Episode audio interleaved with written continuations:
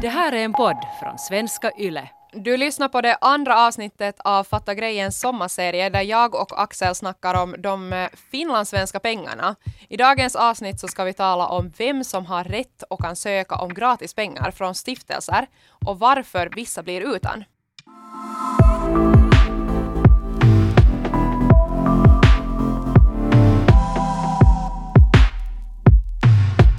I förra avsnittet så var vi inne på varifrån de här pengarna kommer och Mm. att det finns helt otroligt mycket fyrk i de här stiftelserna. Men eh, vart de här pengarna går och vem som kan söka om pengar varierar ju ändå rätt så mycket. Mm. Eh, och eh, vissa grupper blir ju helt enkelt utan. No, alltså där är, det har ju att göra lite med att folk kanske inte riktigt vet hur en stiftelse funkar Mm. och så tycker man att det blir orättvist att en viss grupp, säg kulturarbetare, har så otroligt mycket möjligheter att få stipendier medan kanske andra inte har. Eh, och sådär. Men det har ju att göra med att den där stiftelsen måste ge pengar till det ändamål som den är skapt för. Ja men så är det ju. Ja. Det, det lägger ju också liksom ramar för dem. De kan ju inte bevilja stipendier åt vem som helst. Mm-mm.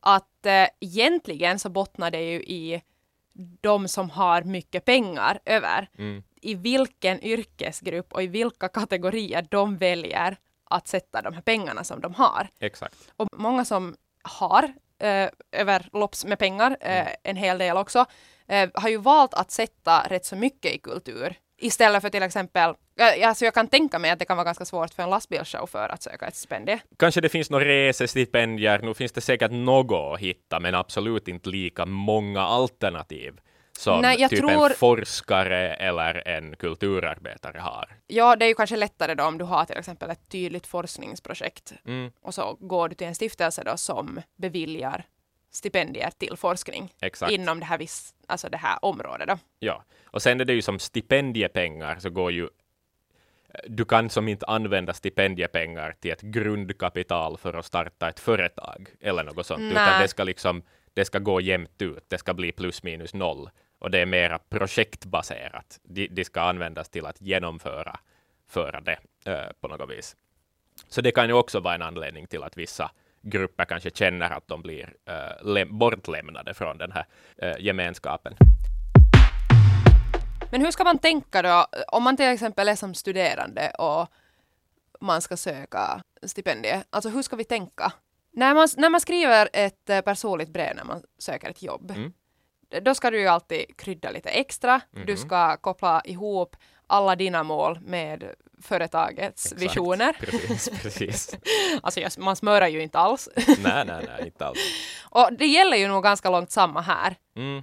Ja, så det där är ju kanske liksom grundregel ett. Sådär att om du vill ha pengar, om du studerar och behöver lite extra cash, Mm. så lön, lönar det sig liksom att kolla vad den där stiftelsen du ska söka pengar av, eh, vad, vad deras syfte är. Och det, det står oftast jättetydligt nog vad de ger pengar för och vad de inte ger pengar för. Mm. Eh, och är det så att du inte hör till den kategorin som de inte ger pengar för, så lönar det sig oftast kanske inte att söka. Liksom, Men har vi något exempel på vilka som är ganska populära då att, Mm. att söka som studerande? Jepp, eh, en av dem är till exempel Studiefonden. Ja. Eh, jag har själv fått av Studiefonden då jag får Okej. på utbyte. Eh, och det är en ganska så här standardstipendie som man kan söka av dem. Och det får man oftast. Alltså. Okej. Eh, så jag fick typ nå en tusenlapp kanske, uh, då jag får på utbyte till Sverige i tiderna. Okej, snyggt. Eh, Ångrar att inte jag sökte. Mm. Jepp, vad har vi annat? Eh, har du hört om Victoriastiftelsen någon gång? ja, eh, är den, är inte någon fak- sån där lite specifik grej? Eller har de någon hook? den är ju, jag har hört att den är väldigt populär att söka från. Mm. Här står det faktiskt att Victoriastiftelsen, stiftelsens ändamål är att främja vidareutbildning bland svenskspråkig kvinnlig ungdom i Finland. Alltså många av de här stiftelserna är ju jättegamla, de kan vara grundade för hundra år sedan, då liksom verkligheten var en helt annan. Mm, mm. Och, men det står ännu i syfte att det ska vara på ett visst sätt. Vet du att typ Victoriastiftelsen Ja. så står det att, att den här grundaren eh, Victoria Laurel då, som hon heter, så hon var förnärmad över att gossebarnen hade förtur till all undervisning och utbildning på 1800-talet. Och då gäller det här ännu. Aha, Så- så fast den- min kille har fått stipendier därifrån. Okej, så- men hur har han lyckats med det då? är det, är det liksom, du vet då man går in på vissa fuffens hemsidor så måste Aha. man trycka sådär ja, jag är äldre än 18 år. Men det kan ju vem som helst klicka. Så Ja, att ja. Han har liksom bara sådär, är du A man, B kvinna, så är han bara sådär B. Han har valt kvinna för att det står i syfte att, att man ska vara kvinna. Fan, han har ju gått emot. Han, ha, han är ju ett gossebarn. Vad orättvist. Hur gick det här till? Men jag vet nog att kvinnor också har blivit beviljade. Okej, okej. Så då kanske det jämnar ut sig. Alltså det kanske då avspeglar att vi 2021 får välja vilket kön vi vill. Sant. Det finns ju den biten också. Hur, hur delar Victoriastiftelsen med transpersoner till exempel? Där är föremål för en annan diskussion. Ja, en annan är också eh, Ernroths stiftelse. Eh, De eh, ger liksom pengar till, kanske främst till forskning och, och sånt. Jag kan tänka mig så här, om man ska skriva en gradu eller någonting Exakt, så kan ja, man få stipendier för att det är som forskning. Så att där är också oftast en öppning. Att ja, kanske på ditt andra studieår då du bara går kurser och, och liksom springer på sitsar så kanske det inte finns så himla mycket stipendier som är aktuella. Men sen genast det börjar vara just att du drar på utbyte eller börjar skriva någon avhandling och sånt så, så då börjar det nog vara möjligt på något vis. Men alltså det finns ju en helt sjukt bra hemsida. Mm. Eh, Fyrk heter den. Fyrk.fi.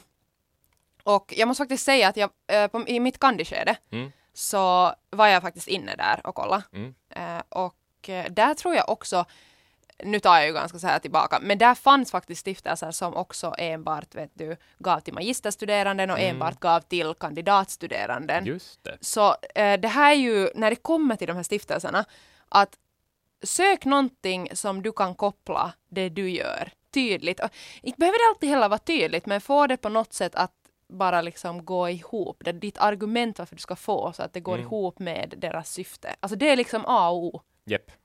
Och sen jag menar, de har ju en skyldighet att dela ut pengar också. Alltså, Eller som oftast, Det är ju deras... de måste ju dela ut pengar också. Så att ibland kan det liksom nog lyckas. Men eh, som vi var inne på, alltså ehm, det finns ju helt massor eh, med olika eh, stiftelser. Mm. Och i första avsnittet så nämnde jag att eh, det finns eh, 2700 som är registrer- alltså registrerade stiftelser Mm. i Finland just nu. Om man har tid och ork, alltså det finns massor med gratis pengar att få. Japp. Det tar ju tid och det är ju alltså Fan, jag tycker faktiskt att det var jävligt jobbigt någon gång när jag sökte stipendier att skriva dem där. Jag tycker att det är jobbigt att skriva personliga brev också till eh, då man söker vet du, ett nytt jobb Japp. eller något.